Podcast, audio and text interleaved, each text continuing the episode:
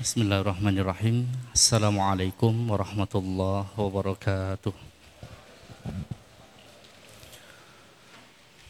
Amsayna wa amsal mulku lillahi walhamdulillah. La ilaha illallah wahdahu la syarikalah. Wa asyhadu anna Muhammadan abduhu wa nabiyuhu wa rasuluh. Amsayna ala fitratil Islam wa ala kalimatil ikhlas wa ala dini nabiyina Muhammad sallallahu alaihi wasallam وعلى ملة أبينا إبراهيم حنيفا مسلما وما كان من المشركين. اللهم صل وسلم وبارك على محمد وعلى آل محمد كما صليت على إبراهيم وآل إبراهيم. إنك حميد مجيد. اللهم بارك على محمد وعلى آل محمد كما باركت على إبراهيم وآل إبراهيم. إنك حميد مجيد. Allahumma inna nas'aluka khaira ma fi hadhihi al-lailah wa khaira ma ba'daha wa na'udzubika min syarri fi hadhihi al-lailah wa syarri ma ba'daha. Amma ba'd. Fadilatul kiram Al-Ustaz Teguh Fadilatul kiram Asatid. Rumah Tafid Zabisa.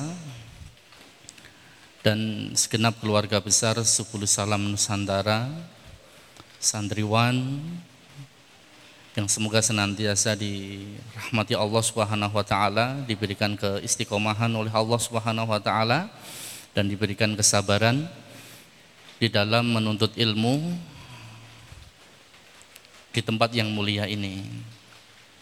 Bapak Ibu, jamaah pengajian Jumat sore Rumah Tafid Zaid bin Thabit yang semoga senantiasa mendapatkan rahmat Allah Subhanahu wa taala. Amin ya rabbal alamin. Bersyukur alhamdulillah marilah kita panjatkan terlebih dahulu kepada Allah Subhanahu wa taala di kesempatan yang mulia ini. Alhamdulillah kita dihadirkan di majelis yang mulia ini tanpa halangan suatu apa pun dengan guyuran keberkahan dari Allah Subhanahu wa taala. Semoga doa-doa yang tadi sempat dipanjatkan ketika hujan deras ini betul-betul Allah Subhanahu wa taala kabulkan. Amin ya rabbal alamin. Salawat dan salam Allah semoga terhatur kepada Nabiullah tercinta kita Nabiullah Muhammad sallallahu alaihi wasallam. Semoga sampai pula kepada keluarga beliau, at-tayyibun, keluarga beliau yang baik-baik dan para sahabat radhiyallahu anhum ajmain. Bapak Ibu yang dirahmati Allah Subhanahu wa taala, mungkin setahun ya, setahun yang lalu atau ya satu tahun setengah saya menyampaikan di sini tentang agar waktu luang tidak hilang sekedar mengingatkan agar waktu luang tidak hilang. Betapa banyak waktu-waktu kosong kita ini hilang. Ya, hilang. Tak terasa tiba-tiba sudah tahun 2023. Tidak terasa tiba-tiba usia kita sudah bertambah. Ini adik-adik nanti ketika di pesantren ini antara yang bersungguh-sungguh yang betul-betul mengisi setiap waktunya itu penuh padat dengan ilmu yang satu mungkin santai-santai alon-alon asal kelakon yang satu betul-betul tidak bergerak sama sekali. Aku nggak mau. Loh besok targetnya harus selesai loh. Nggak apa-apa aku nggak mau. Maka tanpa terasa seiring dengan berjalannya waktu ya bertambah termasuk Bapak Ibu sekalian semakin bertambah dulu belum punya cucu sekarang punya cucu ya dulu belum punya anak sekarang punya anak belum punya cucu sekarang punya cucu cucunya tadinya masih playgroup masih TK sekarang sudah SMP tahu-tahu tidak terasa kita melihat KTP ya usia kita sudah kepala 6 usianya sudah kepala 7 itu satu tahun yang lalu kami sampaikan agar waktu luang tidak hilang. Maka supaya masih bersambung di kesempatan sore hari ini, saya menyampaikan tentang worksheet life well assessment. Ustaz Teguh, tadinya tadinya saya ngirim judulnya pakai bahasa Inggris karena sebelumnya ada flyer-flyer kalau nggak salah Ustadz Heri itu judulnya pakai bahasa Inggris. Ustadz jangan pakai bahasa Inggris, pakai bahasa Indonesia saja. Eh, kok beliau boleh, aku nggak boleh. Akhirnya saya kirim pakai bahasa Indonesia. Jadi judulnya e, lembar kerja penilaian roda kehidupan ya lembar kerja penilaian roda kehidupan tanpa mengurangi eh, tanpa mengurangi rasa hormat saya kepada Ustaz Teguh yang harusnya beliau berada di panjenengan ini di prank berarti Ustaz ya kena prank ini saya ya Bapak Ibu yang dirahmati Allah roda ya roda kehidupan roda itu kayak apa Bapak Ibu sebelum saya menyampaikan roda kehidupan kita harus memahami dulu skenario Allah itu indah. Ya. Skenario Allah itu sangat indah sekali. Untuk siapa? Untuk siapa Bapak Ibu? Liqaumi ya'qilun. Bagi orang-orang bagi kaum yang berakal. Di sini ada yang suka nasi goreng. Suka? Ada adik suka nasi goreng? Suka. Kenapa suka? karena enak. Sebelum proses enak, ibu-ibu, nasi goreng itu bumbunya apa? Macam-macam ya. Kalau hanya tak kasih bumbunya saja, tidak usah dicampur, jadi intinya nanti dinamakan nasi goreng mau enggak? Tak kasih bumbunya saja. Enggak mau ya? Maunya sudah jadi, Pak.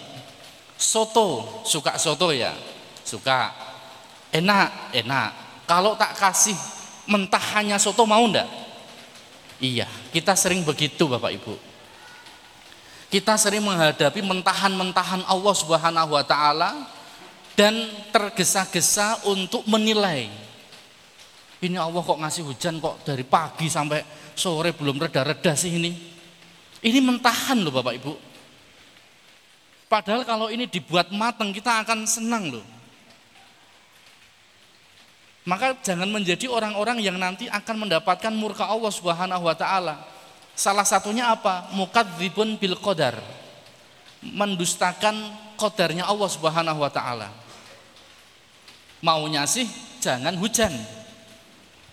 Masa jam segini kok hujan? Harusnya kan terang loh. Emangnya kita tuh siapa kok ngatur? Allah. Ya Allah kan saya tinggal masuk rumah, mbok hujannya tuh nanti aja, mbok hujannya tuh dari tadi, baru mau kerja kok sudah hujan. Kenapa enggak dari tadi? Lah kita itu siapa? Maaf Bapak Ibu, maka disebut dengan bumbu-bumbu kehidupan. Betul ya? Pernah mendengar istilah bumbu-bumbu kehidupan? Kita dikasih bumbu mentahannya enggak mau. Maunya ketika sudah matang. Nah, kapan matangnya itu? Matangnya kapan? Adik-adik, ada yang sudah selesai 15 sus. Yang sudah selesai 30? Ada Ustadz Agung tuh. Ya, sudah selesai 30 juz. Tapi beliau bumbunya sudah makan bumbu ya Ustadz ya. Enak nggak bumbunya? Nggak enak. Pagi harusnya buat tidur, buat hafalan. Malam mau tidur buat hafalan. Nggak enak ibu. Apalagi ibu-ibu sekalian. Keluar rumah harus pakai kerudung, ribet. Ya enggak? Itu bumbu sebenarnya. Kapan nanti akan jadi masakan? Kapan nanti akan jadi masakan Bapak Ibu? Kalau kita nanti menghadap Allah Subhanahu wa taala. Maka fahami dulu. Skenario Allah itu sangat indah sekali. Liqaumi yakilun bagi kaum yang berakal. Nah, ini dia kehidupan bagikan roda. Ini memang ada nasidnya ini. Kehidupan bagaikan roda beribu zaman terus berputar, berputar ini. Roda itu berputar. Kalau saya melihat yang sisi kanan, ya itu terbaca mboten. Ada senang, ada sedih, kecewa, ada iri, ada dengki, ada ikhlas, dendam, nanti bahagia, nanti lemes, nanti semangat lagi, besok seneng lagi, si pagi seneng, sore sudah sedih. Ya. Sorenya seneng, paginya sudah sedih. Terus Maka ada orang itu seneng tidak seneng terus, kadang-kadang seneng, kadang-kadang sedih. Sekarang seneng nanti sudah sedih, sekarang sedih nanti sudah seneng. Hari ini kecewa, besok dibahagiakan. Hari ini iri, irinya lagi iri-irinya ini. Ya, lagi irinya ini. Ya kalau santri mungkin yang dirasakan, waduh ini sudah jenuh, ada tingkat kejenuhan ini. Ya, sehingga untuk berpikir sudah tidak maju. Ya, Ustadz saya hari ini nggak setoran dulu ya. Kenapa nggak setoran? Aduh saya nggak bisa berpikir Ustadz. Sudah penuh Ustadz. Saya nggak bisa mikir Ustadz. Adik, di otak kita, Ibu Nyun Sewu di otak kita ini, ini terbagi menjadi empat lobus. Salah satunya lobus frontal. Jadi lobus frontal itu itu sangat sensitif sekali. Itu kalau penuh, penuh itu kayak HP kalau sudah penuh nanti hang. Hati-hati. Ya, kalau sudah penuh nanti nanti hang, Bapak Ibu. Ya, maka jangan sampai penuh. Tapi penuh dengan kebaikan enggak masalah. Masalahnya adalah ketika penuh dengan maksiat, penuh dengan pikiran-pikiran kotor, penuh dengan rasa-rasa yang tidak baik. Kalau sudah begitu, satu efeknya nanti mudah marah, sensitif, disenggol sedikit aja nesu, Ya. Tadi itu habis ketawa loh sama saya loh. Iya loh, ini tiba-tiba kok diem aja. Eh, kamu ngapain kok diem? Kamu ngapain diem? Udah nggak usah ganggu. Loh, kaget loh, marah. Nggak ada siapa-siapa, kadang-kadang nangis. Ini kenapa kok tiba-tiba nangis gitu ya? Itu masih mending kalau nggak ada apa-apa nangis. Ya, yang bahaya lagi nggak ada siapa-siapa, nggak ada apa-apa, ketawa sendiri. Loh, kok guyu dhewe karo sapa ki guyune? Ketawa sendiri. Itu kalau lobus frontalnya sudah kena. Tidak bisa untuk berpikir. Kenapa Bapak Ibu yang dirahmati Allah? Karena file yang masuk sudah macam-macam. Ada iri, ada dengki, ya, ada dendam, ada apalagi marah, ada tidak ikhlas, ada suudon, ada apa lagi Pak? Tidak sehat jadinya kita. Ya, maka harus dihapus. Dengan apa? Dengan memperbanyak istighfar. Dengan apa? Memperbanyak zikrullah. Ini akan berputar terus. Ini roda kok. Jadi kalau ketika kita senang, ya, ta'arraf ilallahi firraha ya'rifka fi syiddah. Kalau lagi senang ingat Allah. Maka Allah akan ingat ketika kamu sedih. Ketika lagi bahagia, ketika lagi banyak rezeki, ingat Allah. Maka Allah akan ingat ketika kita ada masalah. Ketika kita punya apa namanya urusan yang sangat penting jalannya buntu, baru kita menghadap Allah. Allah mendengar itu. Ta'arraf ilallahi firraha ya'rifka fi syiddah. Ingat sama Allah ketika bahagia, maka Allah akan ingat ketika kita sedih. Yang di sampingnya itu rodanya ada dua, ya. Rodanya ada dua. Saya anggap itu ruji ya. Ada spiritual. Spiritual itu apa? Ya spiritual. Bagaimana din Islam kita ini, bagaimana agama kita ini, bagaimana akidah kita ini, bagaimana ibadah kita ini itu akan berputar Bapak Ibu. Akan berputar. Hari ini Bapak Ibu bisa kesempatan hadir di majelis ilmu. Belum tentu besok bisa hadir Jumat besok. Karena terus berputar. Harapannya kan terus datang ini. Supaya berputarnya landai, supaya berputarnya indah, supaya berputarnya nyaman. Maka spiritualnya ini harus diistiqomahkan. Kalau dalam masalah sholat adik-adik, ya sudah sampai materi sholat rawatib ya, maka kalau rawatibnya ba'da maghrib dua rakaat, ba'da isya dua rakaat, sebelum subuh dua rakaat, ya kemudian sebelum duhur dua rakaat, ba'diyah duhur dua rakaat, belum nanti yang baik yang muakat maupun yang goirumu akad itu dilaksanakan semuanya. Kok istiqomah? Berarti jalan roda itu berputar dengan baik. Tapi ingat bahwa roda ini kadang-kadang juga menemui apa? Lubang. Jadi nggak baik jalannya.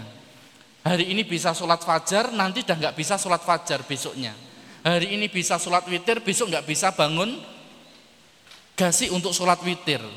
Hari ini kita bisa menghafal lima ayat, besok belum tentu bisa lima ayat. Berarti perjalanan rodanya ber, bergantian. Ini nanti dinilai ya Bapak Ibu, jenengan jadi bermuhasabah di rumahnya begini aku ini satu hari nilainya 10 karena kita materinya lembar kinerja roda kehidupan. Ya lembar kinerja roda kehidupan. Aku nilainya 10 kalau satu hari aku bisa melaksanakan rawatib itu 12 rokaat berarti nilaiku 10 saya nilainya 10 kalau satu hari itu bisa melaksanakan bisa membaca Al-Quran membaca ya dua lembar aja mulai dari sedikit. Dua lembar aja. Berarti kalau terlaksana hari itu dua lembar berarti nilainya 10. Ya Allah ternyata hanya dapat satu lembar berarti nilainya 50. Kalau nggak membaca sama sekali berarti nilainya nol. Barang siapa yang hari ini lebih baik daripada hari kemarin, maka dia orang yang beruntung. Wah masuk Ustadz materinya Ustadz. Ya, tadi materinya kan beruntung Ustadz ya. Nah, berarti harus lebih baik terus Ustaz. Iya. Dan itu berat pembatan Bapak Ibu? Berat. Ini kalau pas lagi semangat, besok hari Sabtu itu bisa rawatib 12 rakaat lengkap loh. Bismillah aku harus bangun gasik. Ya. Misalkan belum belum mampu untuk tahajud, belum mampu untuk witir, tapi sudah mampu untuk datang ke masjid sebelum adzan. Habis adzan dua rakaat sholat fajar dikejar. Besok duhur, sebelum duhurnya dua rakaat lagi Ba'diyah duhur bisa empat, bisa dua. Ya, kemudian qobliyah asar tidak apa-apa, kerjakan aja. Kemudian ba'diyah maghrib, ba'diyah isya atau sebelum maghrib, sebelum isya. Baik yang rawatib maupun yang goir rawatib kerjakan aja, tidak masalah. Kok bisa lengkap semuanya? Berarti nilaiku 10. Alhamdulillah ya Allah, capek. Perjuangan, Berarti apa Bapak Ibu? Ketika kita bisa melaksanakan ibadah kemudian sampai terasa, ya Allah, mau ngejar sholat jamaah, we kok angel banget. Harus tepat ini azan aku harus ke masjid. Biasanya santai-santai, udah leha-leha saja lah, enggak usah ke masjid dulu lah. Allah rawatib enggak apa-apa lah, sunnah kok. Yang penting kan saya jamaah. Bagi santri-santri nanti ketika pulang itu, bukan sekedar melaksanakan sholat, Dek, kok sholatnya di rumah, nggak di masjid? Kan yang penting sholat. Kan di pondok saya sholatnya di masjid terus. Mbok kalau-kalau saya tak libur di rumah aja, jujur. Sok ngoten apa mboten? Jujur aja. Sok gitu apa enggak? Nah, kan? Ayo nak ke masjid dulu subuh bu. Kalau kalau tak di rumah ya, saya tuh kalau di pondok tuh ke masjid terus, jamaah terus. Ini sekali-kali aja tak di rumah aja gitu kan. Sok begitu apa enggak? ketika di rumah itu luar biasa. Serangan untuk bisa beribadah lebih baik ujiannya itu betul-betul luar biasa Bapak Ibu. Ini yang pertama spiritual. Fa'idha faragta fansab wa ila rabbika farghab. Ada waktu luang diisi. Dengan Allah selalu connect. Ada waktu luang apa? Diisi. Jangan ada nganggur. Ketika ditanya, siapa sih orang yang nganggur itu? Orang yang nganggur itu orang yang tidak punya pekerjaan. Salah, ibu, bapak. Orang yang nganggur adalah orang yang tahu ada amal soleh tapi tidak diambil amal soleh itu. Tahu ada waktu sholat duha tapi nggak segera ngambil sholat duha. Janjane nggih saged sakniki maca Quran, mau Quran nggih saged tapi nggak segera membaca Al-Qur'an. Itu orang nganggur. Siapa orang yang mandul itu? Orang yang tidak punya anak. Oke lah silahkan. Apa kata Rasulullah orang yang mandul? Orang yang mandul itu adalah orang yang punya banyak anak tapi nggak ada yang jadi soleh. Ya, banyak anak tapi nggak ada yang jadi soleh. Betul HP-nya difasilitasi nak, HP-nya paling bagus kalau bisa. Ya, SD sudah dipegangin HP. Ya. SD loh Pak.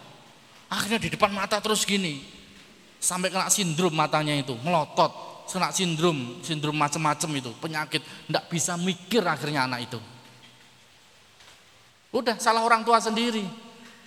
Ya.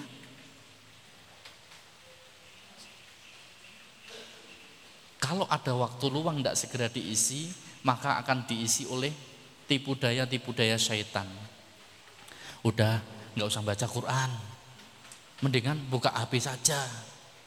Kalau kalian kan alhamdulillah di sini, ya boleh bawa HP enggak di sini?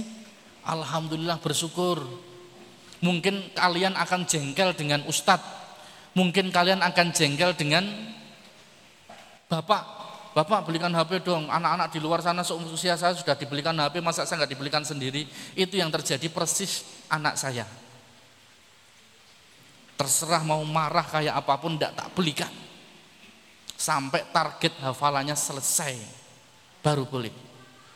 Sedih, sakit, tapi tidak apa-apa. Kalian harus bangga kalian.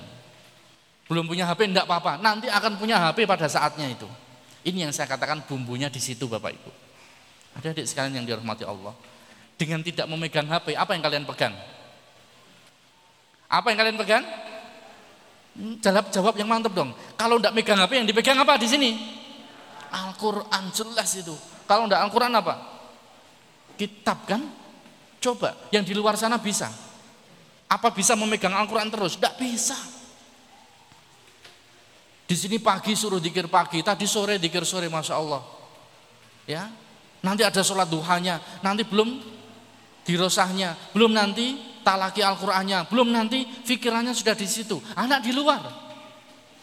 Coba, rodanya itu muternya bukan muter di tempat yang yang penuh dengan gerunjalan gitu ya. Rodanya alus-alus aja. Ya pagi sudah disiapkan makan, tinggal makan, nanti dipegangin HP, sudah ada uang saku, temennya banyak mainan, TikTok, mainan, Facebook, mainan ini, mainan itu kosong akhirnya. Ingat, jalan kita terjal ini. Banyak ujiannya. Yang kedua di situ ada pengembangan diri. Termasuk daripada roda kehidupan itu ada pengembangan pengembangan diri. Ya.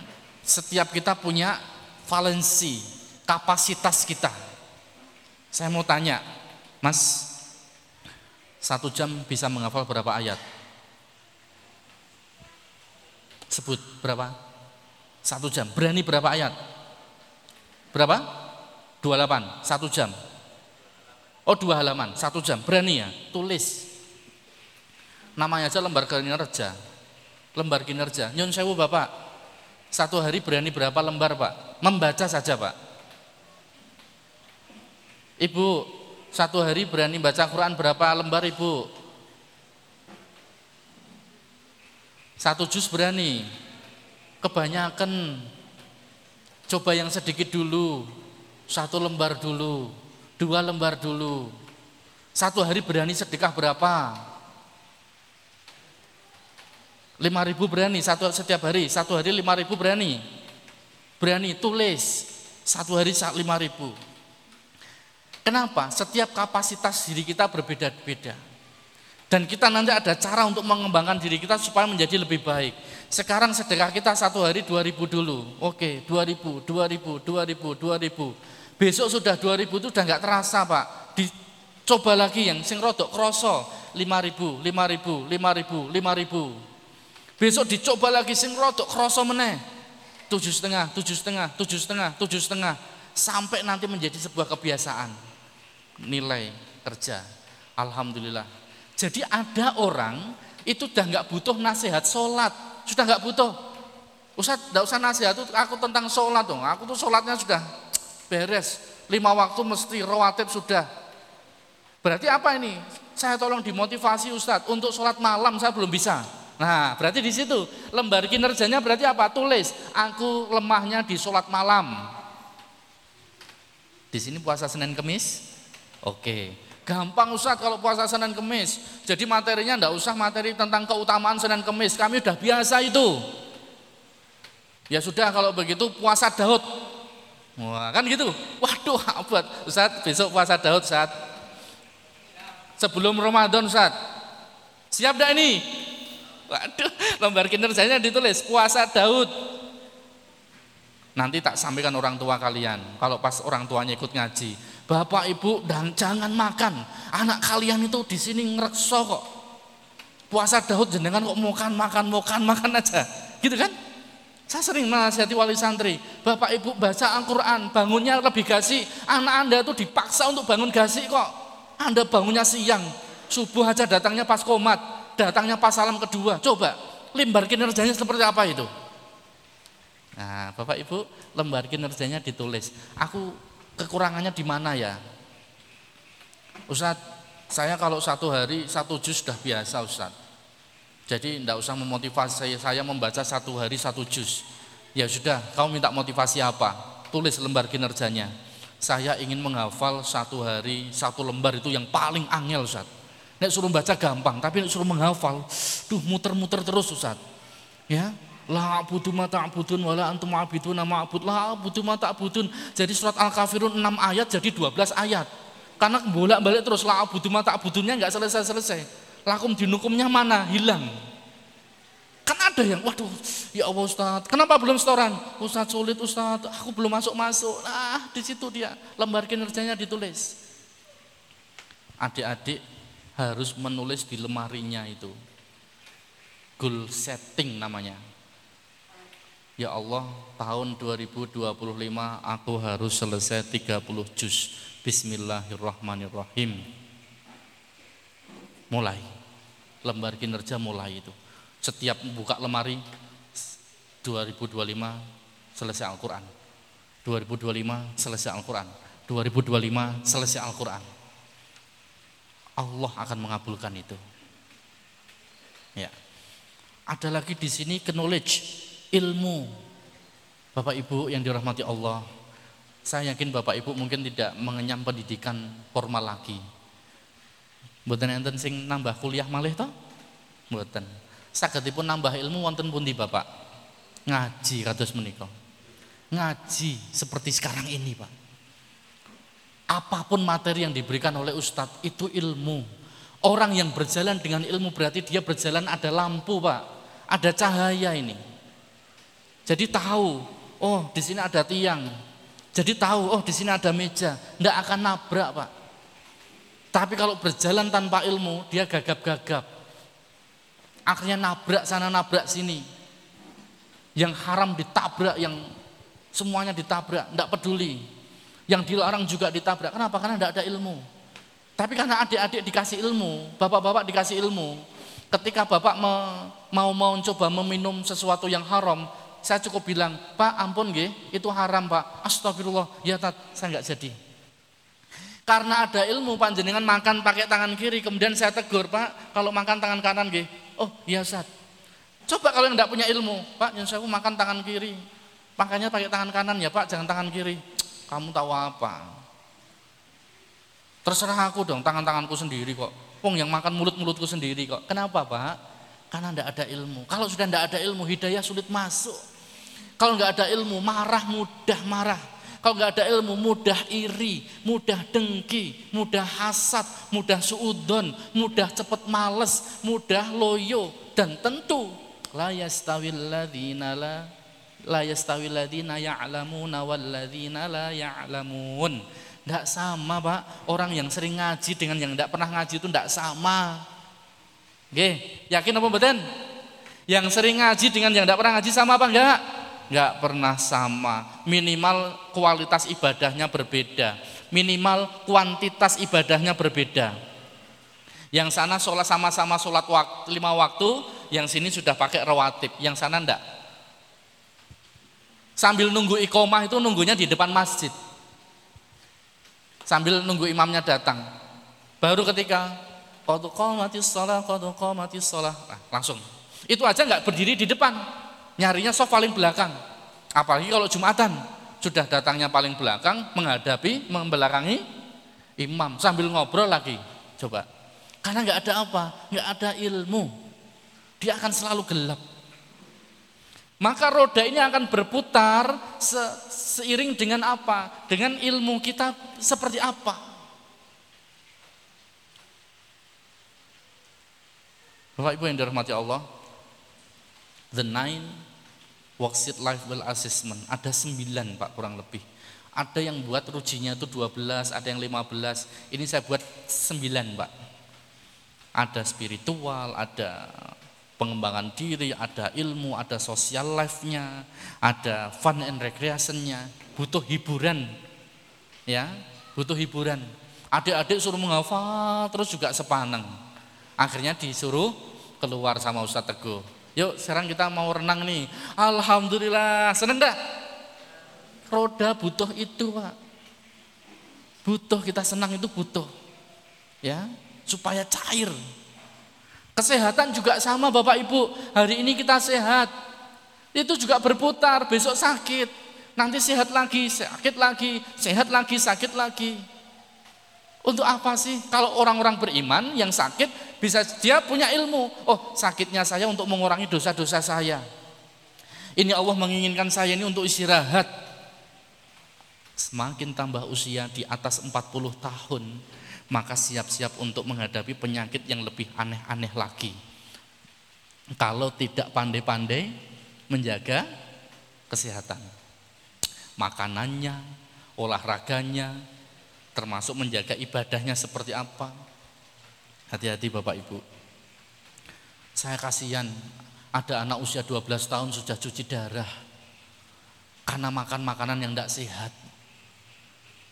Saya kasihan Anak 8 tahun sudah operasi usus buntu. Karena makanan-makanan yang tidak sehat. Di satu sisi ada seorang kakek-kakek usianya 80 tahun ketika ketemu. Coba tebak usia saya berapa? Ah paling apa namanya eh, 60 tahun gitu kan. Enggak, usia saya 80 tahun, luar biasa Bapak Ibu. Kenapa? Kesehatan rohaninya dijaga, kesehatan jasmaninya di, dijaga. Termasuk keluarga. Itu juga roda kehidupan. Nyun sewu ada yang jumlah keluarganya lima. Apakah nanti lima akan utuh terus? Tidak. Bisa jadi besok meninggalkan kita Pak. Ya Allah anakku sudah keluar kota. Ya Allah anakku meninggal dunia. Ya Allah bapakku meninggal dunia. Ya Allah ibuku meninggal dunia. Ya Allah sekarang yang saya sayangi telah meninggalkan.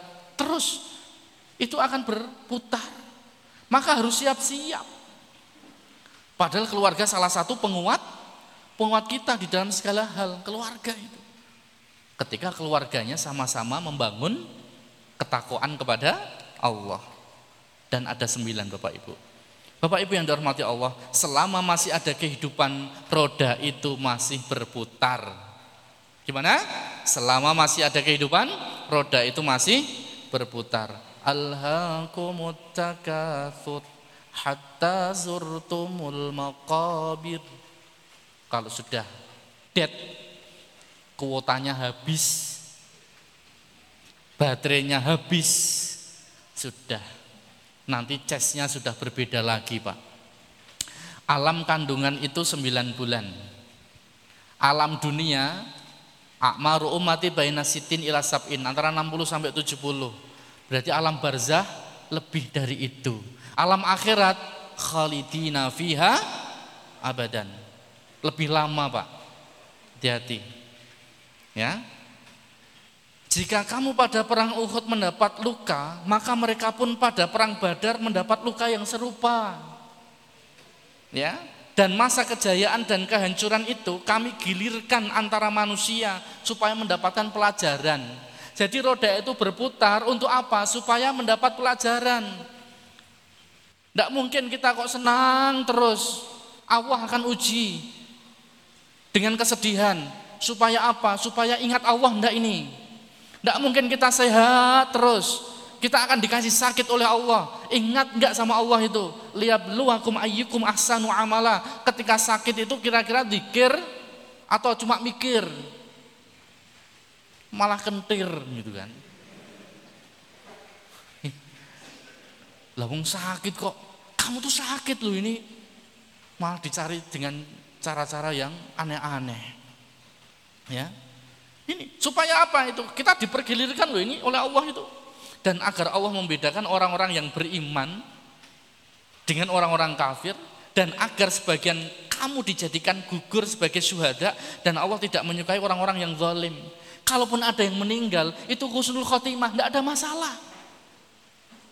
Ya Allah, berikanlah kepanjang umur orang tuaku ya Allah. Kok meninggal? Inna lillahi wa inna ilahi roji'un. Allah maghfirlahu warhamhu. Ya Allah ampuni dosanya ya Allah. Saya sudah berdoa supaya usia bapak saya itu panjang. Eh kok meninggal. Semoga meninggalnya husnul khatimah. Kita sudah berdoa tadi doa sore tadi. Allahumma afini fi Allahumma afini fi Allahumma afini fi La ilaha illa an saya sudah berdoa sehat badan, sehat pendengaran, sehat sehat mata, penglihatan. Lalu kemudian sakit badan saya. Ya Allah, kok kok gak ngabulkan doa saya sih? Saya tuh setiap hari sore, setiap sore dikir sore loh ya Allah. Kok masih tetap dikasih sakit? Ingat, Allah ingin menguji saja. Yang ikhlas siapa? Allah ingin menguji aja. Yang iman mana? Yang iman. Alhamdulillah ya Allah, saya masih diberi sakit. Berarti engkau masih sayang. Bapak, Ibu yang dirahmati Allah. Ya. Waliyumahhisallahu alladzina amanu wa yamhaqal kafirin. Dan agar Allah membersihkan orang-orang yang beriman dari dosa dan membinasakan orang-orang kafir. Jadi kalau kita sakit, dosa kita sedang dihabiskan, diampuni oleh Allah. Sampai ketika kita nanti menghadap Allah itu kita sudah bersih. Dengan apa? Dengan ujian-ujian yang Allah berikan. Makanya Rasulullah mengatakan kalau kalian mendapatkan ujian yang sangat berat, ingat ujianku. Di dalam syarahnya itu dikatakan seolah-olah itu ya bukan seolah-olah, andai presentasi itu 100, maka 99% itu diambil oleh Rasulullah. Sakitnya Pak, ujiannya Pak, sedihnya Pak, musibahnya Pak. Yang satu persen untuk umatnya. Sesedih-sedihnya kita, Sesakit-sakitnya kita mendapatkan ujian dari Allah atau kena musibah sekalipun, itu hanya satu Pak. 99 sudah diambil oleh Rasulullah SAW karena cintanya kepada umat. Allahumma salli wa sallim wa barik ala Muhammad. Maka rajin-rajinlah kita bersolawat. Rasulullah cinta banget sama kita Pak. Apakah kalian mengira masuk sunnah? Padahal belum nyata bagi Allah orang-orang yang bersungguh-sungguh berjihad di antara kalian. Dan belum nyata orang-orang yang sabar Hari ini materinya sabar, besok sabar, besok sabar, protes akhirnya. Masa empat hari materinya sabar terus? Lah kamu gak sabar itu. belum nyata Pak. Belum kelihatan adik-adik ini orang yang sabar beneran belum, belum terlihat ini. Terlihatnya kapan? Nanti kalau sudah sampai tercapai itu targetnya itu. Masya Allah Anda orang yang lulus. Dulu masuk sini berapa orang barengan nih? Barengannya ada berapa? 17, sekarang masih berapa? Itu di disaring itu. Ya, sampai ketemu yang terbaik. Sama, Pak. Keistiqomahan kita di dalam menjalankan ibadah Allah sama seperti itu. Mana di antara kita yang beriman, yang bersabar sampai kepada menghadap Allah Subhanahu wa taala. Bapak Ibu yang dirahmati Allah, ini saya bacakan petuah ya. Untuk diri sendiri menjadi pribadi yang punya visi besar, mempunyai rasa saling berbagi kebaikan terhadap sesama, lebih menghargai dan mendekatkan diri dengan keluarga, lebih jelas dalam membangun perkembangan usaha bisnis dan yang paling utama adalah mendekatkan diri kepada Allah. Endingnya apa, Pak? Al ibadatu at-taqarrubu ilallah. Ibadah itu apa? Mendekatkan diri kepada Allah. Ismun jami' likulli ma wa yardah. Semua aktivitas yang Allah Subhanahu wa taala ridho jadikan ibadah. Lebih mempunyai rasa optimis, sabar, ikhlas dan lebih meningkatkan rasa syukur mengetahui tentang apa ini? coaching yang terbaik sehingga dapat meningkatkan kemampuan tentang bisnis dan cara menghargai orang lain yang benar. Cari guru yang baik, Antum di sini mempunyai guru-guru yang baik, guru-guru yang sudah melalui seleksi, guru-guru yang betul-betul sesuai dengan keilmuan yang ada sehingga diberikan kepada kalian dengan tepat. Sama Bapak Ibu yang dirahmati Allah, terima kasih kepada segenap pengurus Yayasan Subul Salam Rumah Tafid Zabisa telah menjadikan apa namanya majelis ini ya dengan menghadirkan beberapa guru-guru yang semoga dari guru-guru itu kita bisa mendapatkan ilmu yang berman, bermanfaat. Bapak Ibu yang dirahmati Allah, ini setiap kita punya cerita. Ini saya mau bercerita nih. Yang pertama adalah gambar sebelah, kalau di sana sebelah apa ya? Kanan ya. Kalau yang kanan itu saya berdua ya berarti ya. Betul ya? Kanan. Itu adalah bina rohani Rumah Sakit PKU Muhammadiyah. Usianya sudah 85 tahun. Panjenengan adik-adik kalau melihat tulisannya beliau itu seperti Al-Qur'an rapi. Beliau disiplin banget, sudah sepuh Pak, tapi wajahnya bersih. Kedisiplinannya luar biasa, hafalannya luar biasa beliau. Saya foto karena saya sebagai pengganti khutbah Jumat karena beliau sudah tidak lagi mampu untuk berdiri di atas mimbar. Keinginannya sangat, tapi sudah tidak mampu lagi. Saya banyak mengambil ilmu dari beliau. Tulisannya luar biasa, rapi banget seperti tulisan Al-Qur'an itu seperti mushaf itu. Kemudian yang kiri itu saya berada di penjara, Pak. Saya pernah di penjara di balik papan. Bahkan dua dua penjara sekaligus. Pertama di rumah tahanan, kalau sudah berada di rumah tahanan nanti dipindah ke lapas. Ya, tapi saya tidak jahat. Ya, tidak jahat. Saya menemui sipirnya, izin, boleh nggak kami berdakwah di penjara? Alhamdulillah diperbolehkan. Satu bulan kurang lebih kita berdakwah di penjara. Itu ada yang mu'alaf, bersahadat di sana pak. Sebelum ngaji itu masih non muslim. Alhamdulillah setelah ngaji tiga kali pertemuan menyatakan masuk Islam. Allahu Akbar, betapa rodanya yang tadinya itu tidak karuan berputarnya, sekarang berputar dengan indah sekali. Spiritualnya tadinya kosong kemudian berisi. Tadinya dengan Allah tidak kenal, akhirnya kenal. Tadinya tidak kenal wudhu, sekarang kenal dengan wudhu. Itu ada. Yang satu pembunuh itu. Ya, tapi nggak tak tunjukkan yang mana ini.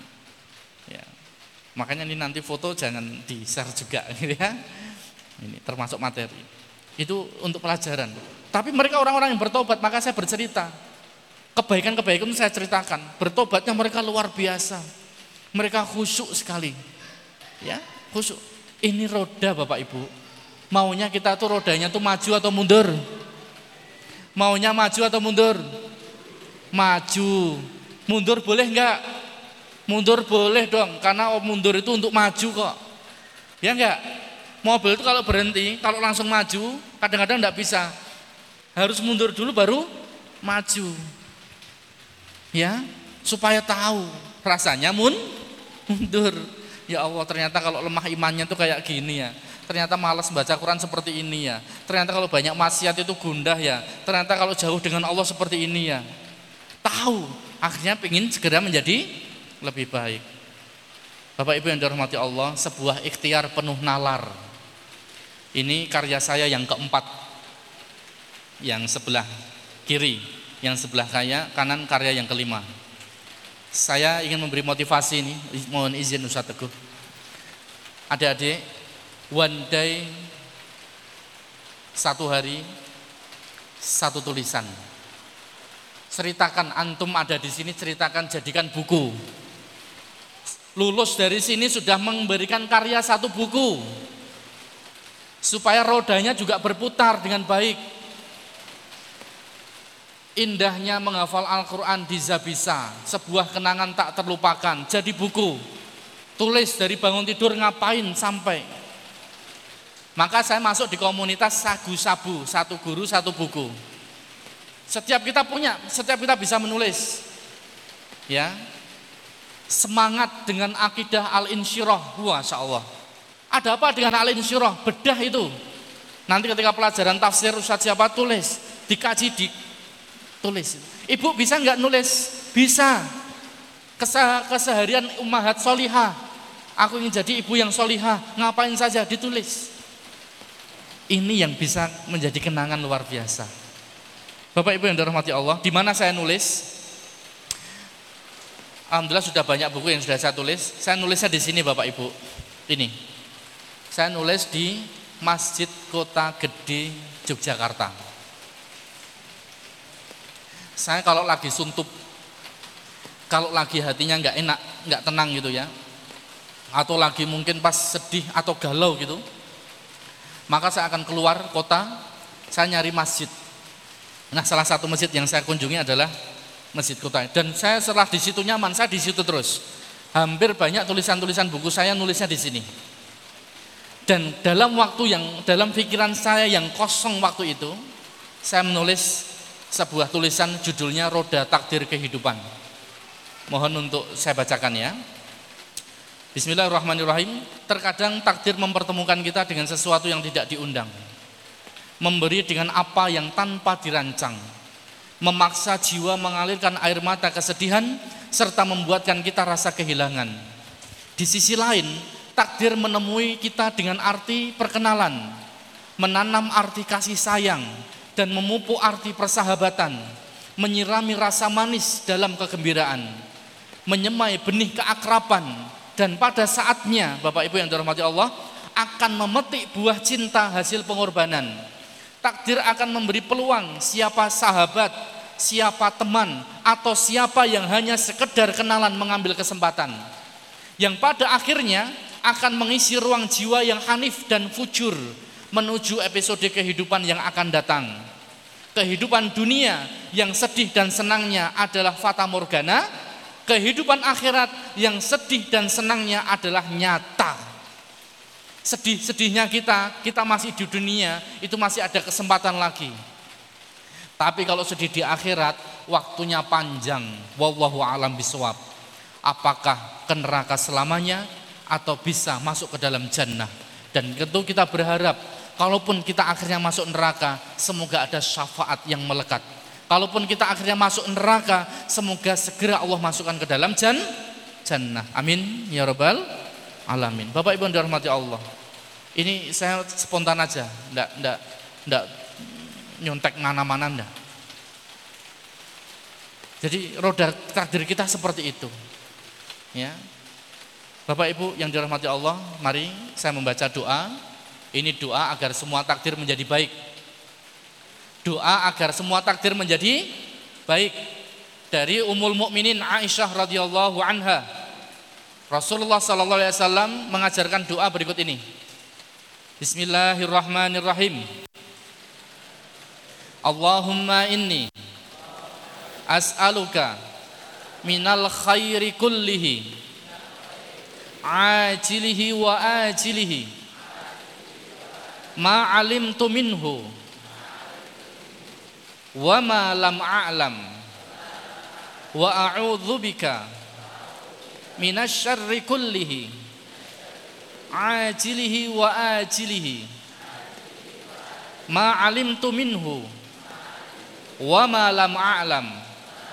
Allahumma inni as'aluka min khairin ma sa'alaka abduka wa nabiyyuka wa a'udzu bika min syarrin ma 'adza bihi abduka wa nabiyyuka Allahumma inni as'alukal jannata wa ma qarraba ilaiha min qawlin aw amalin wa a'udzu bika minan nar wa ma qarraba ilaiha min qaulin aw amalin wa as'aluka an taj'ala kulla qada'in qadaitahu li khairan ya Allah aku mohon kepadamu semua kebaikan yang disegerakan maupun yang ditunda ada kebaikan kita yang langsung diberikan, ada yang nanti ya nggak tak kasih sekarang. Ya Allah aku mohon kebaikan itu. Apa yang aku ketahui maupun yang tidak aku ketahui ya Allah. Aku mohon kebaikan itu ya Allah. Ya Allah, aku berlindung kepadamu dari semua keburukan. Baik yang disegerakan maupun yang tertunda. Kita semua punya takdir keburukan. Ada yang disegerakan, ada yang tertunda ada yang kita ketahui atau yang tidak kita ketahui ya Allah. Ya Allah, sesungguhnya aku memohon kepadamu dari kebaikan apa yang diminta oleh hamba dan nabimu Muhammad Sallallahu Alaihi Wasallam. Seolah-olah kita berdoa begini Bapak Ibu, Ya Allah, kula nyuwun nopo ingkang dipun suwun Nabi Muhammad. Nabi Muhammad minta apa saja? Minta kebaikan banyak sekali sampai jadi satu buku. Ada yang tebalnya segini, Hisnul Muslim. Ada yang tebalnya begini, Al-Adkar wa Doa. Doa dan zikir, zikir dan doa. Ada yang tebal, itu semuanya doa Rasulullah seolah-olah kita minta begini, ya Allah, saya minta kebaikan apa yang diminta Nabi Muhammad dalam buku doa itu. Dan aku berlindung kepadamu ya Allah apa yang diperlindungkan oleh Nabi Muhammad. Nabi Muhammad berlindung dari apa? Aku minta ya Allah berlindung dari itu. Bapak Ibu yang dirahmati Allah. Ya, ya Allah, aku memohon kepadamu jannah dan apa yang mendekatkan kepada jannah baik berupa ucapan maupun amal. Kalau kita berdoa seperti ini adik-adik sekalian, Bapak Ibu yang dirahmati Allah, kalau kita doa ini, maka perkataan kita dan perbuatan kita hati-hati. Sangat hati-hati sekali. Karena akan mendekati kepada jannah. Termasuk perkataan kita yang nanti akan mendekatkan kepada neraka, kita dibuat hati-hati sama Allah. Ini pengajian ini tidak tahu masuk di YouTube atau di Facebook atau di Instagram. Ini kalau dipotong aja bisa Orang-orang yang tidak bertanggung jawab Anda akan mengambil kata-kata saya yang mungkin salah. Yang bisa menjatuhkan saya. Bukankah itu pekerjaan-pekerjaan orang-orang yang tidak punya pekerjaan? Berapa banyak asatidah-asatidah yang kemudian hanya dipotong. Akhirnya seolah-olah dia karena dia berbicara baik, seolah-olah dia berbicara yang tidak baik. Dunia media sosial itu sangat luar biasa sekali. Kita mohon perlindungan kepada Allah dari hal itu. Dan kami dan kita semuanya memohon kepadamu ya Allah, semua takdir yang engkau tentukan itu baik. Amin ya robbal. Semuanya takdirnya baik. Bapak Ibu yang dirahmati Allah Subhanahu wa taala. Demikian apa yang bisa kami sampaikan pada kesempatan kajian uh, sore hari ini. Semoga Allah Subhanahu wa taala memberikan banyak ilmu yang bermanfaat kepada diri saya pribadi dan kita semuanya tawassobil haqqi wa tawassobis sabar. Ya, fadzakir fa inna dzikra tanfaul mukminin. Kita saling memberikan peringatan ya, karena peringatan sangat bermanfaat ya bagi orang-orang yang ber yang beriman. Bapak Ibu yang dirahmati Allah, di samping saya itu ada Profesor Yunahar Ilyas. Profesor Dr. Yunahar Ilyas, Allahu yarham. Beliau sudah meninggal. Tulisan karya beliau banyak sekali saya bertemu beliau di percetakan Grama Surya karena saya menulis mau menulis saya mau mencetak buku waktu itu. Beliau hanya mengepuk dada saya. Kalau nulis buku jangan satu mas. Kalau nulis buku yang banyak dan hanya jangan masalah fikih saja. Masalah akidah, masalah akhlak, masalah tazkiyah, masalah adab, masalah apa pun. Jangan pernah berhenti kata beliau. Ketika saya takziah ke rumah beliau, di ruang tamu beliau ada tulisan pakai bahasa Arab pakai bahasa Arab tulisannya. Sambil menunggu tuan rumah, silahkan membaca buku yang ada di ruang tamu. Allahu Akbar. Ternyata beliau tidak nisa merinding sekali. Beliau tidak pernah melepas yang namanya buku. Untuk apa sih? Untuk mengisi ruang waktu. Sakitnya beliau waktu di rumah sakit, hingga banyak yang mendoakan saat hari itu. Di sampingnya juga ada buku. Orang-orang yang baik luar biasa. Allah matikan dalam keadaan baik. Karya beliau sudah menjadi banyak jariah terutama di mahasiswa-mahasiswa di kota Yogyakarta. Tidak ada yang tidak kenal beliau. Bapak Ibu yang dirahmati Allah. Sebulan yang lalu, Alhamdulillah saya diberi kesempatan untuk mengambil sanat kitab Adabul Alim wal Muta'alim karya Hadratus Syekh Hashim Ash'ari, pendiri Nahdlatul Ulama. Alhamdulillah dari jalur yang terdekat. Ada nasihat yang sangat luar biasa bahwa beliau itu di samping suka menulis dengan tulisan-tulisan Arab, beliau juga memahami bagaimana adab kepada guru, adab kepada murid, adab kepada buku. Dan ada yang sangat indah sekali yang berkaitan dengan lembar kinerja roda kehidupan. Bahwa beliau mempunyai target-target itu ditulis. Kalau tadi saya menyampaikan kepada adik-adik, saya harus hafal Al-Quran tahun berapa ini, tulis di buku. Bapak-bapak mau umroh napa mboten, Pak? Tulis Pak umroh Pak, ditulis. Bismillahirrahmanirrahim ya Allah semoga 2025 saya bisa umroh ya Allah. Ya Allah semoga 2030 saya bisa haji. Ustaz kan antri haji panjang, terserah mau antri panjang berapa puluh tahun. Yang penting saya menulis 2030 Bismillah haji ya Allah berikanlah kemudahan. Bagi Allah tidak ada yang mustahil. Hitungan itu hitungan manusia, betul. Antri sampai sekian puluh tahun, tidak apa-apa. Dan itu benar. Tapi kita memakai cara Allah Subhanahu wa taala Semoga dengan demikian Allah banyak memberikan pengkabulan doa untuk kita semuanya. Jadi lembar kinerja mohon untuk ditulis dan itu kebiasaan beliau. Hadratus Syekh Hashim Ash'ari dalam tulisan beliau luar biasa. Termasuk eh, saya berikan di sini ya. Buku itu kalau memberikan batasan buku itu tidak boleh dengan buku. Misalkan kita punya buku mau dibatasi dengan buku tidak boleh. Harus pembatasnya harus tipis. Dan untuk nekok buku juga nggak boleh. Buku itu ditekuk nggak boleh. Apalagi buku tentang ilmu-ilmu agama. Dan letak Al-Quran harus paling tinggi di antara kitab-kitab yang lain. Kalau ada buku yang sejajar, ya buku pelajaran, buku pelajaran, kok ada Al-Quran, maka Al-Quran ditaruh yang paling atas. Sebegitunya beliau untuk menyampaikan adab terhadap buku, apalagi kepada manusia. Demikian semoga bermanfaat. Mohon maaf atas segala salah dan khilaf. Kita berdoa kepada Allah Subhanahu wa taala semoga di kesempatan sore hari ini betul-betul membawa manfaat untuk diri pribadi khususnya dan kepada semua yang hadir pada sore hari ini. A'udzubillahi minasyaitonirrajim. Bismillahirrahmanirrahim. Alhamdulillahirabbil alamin. Na'imin hamdan syakirin. Hamdan yuwafi ni'amahu wa yukafi mazidah. يا ربنا لك الحمد والثناء لوجهك الكريم وعظيم سلطانك اللهم صل على محمد وعلى آل محمد كما صليت على إبراهيم وآل إبراهيم إنك حميد مجيد اللهم بارك على محمد وعلى آل محمد كما باركت على إبراهيم وآل إبراهيم إنك حميد مجيد اللهم انفعنا بما علمتنا وعلمنا ما ينفعنا وزدنا علما ونعوذ بالله تعالى من أحوال أهل النار. اللهم اشرح صدورنا وتزود عن سيئاتنا وهب لنا فهم الأنبياء والمرسلين وهب لنا فهم السلف الصالح اللهم عيشنا عيش السعداء وأمتنا موت الشهداء ودخلنا في زمرة رسول الله صلى الله عليه وسلم. اللهم إنا نسألك رضاك والجنة. اللهم إنا نسألك رضاك والجنة. اللهم إنا نسألك رضاك والجنة. اللهم أعنا على ذكرك وشكرك وحسن عبادتك.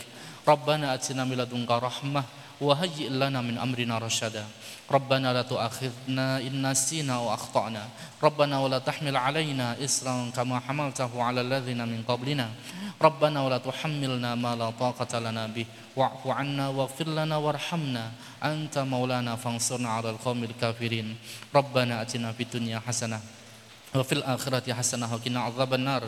Subhanakallahumma wa bihamdika asyhadu an la ilaha illa anta astaghfiruka wa atubu ilaik.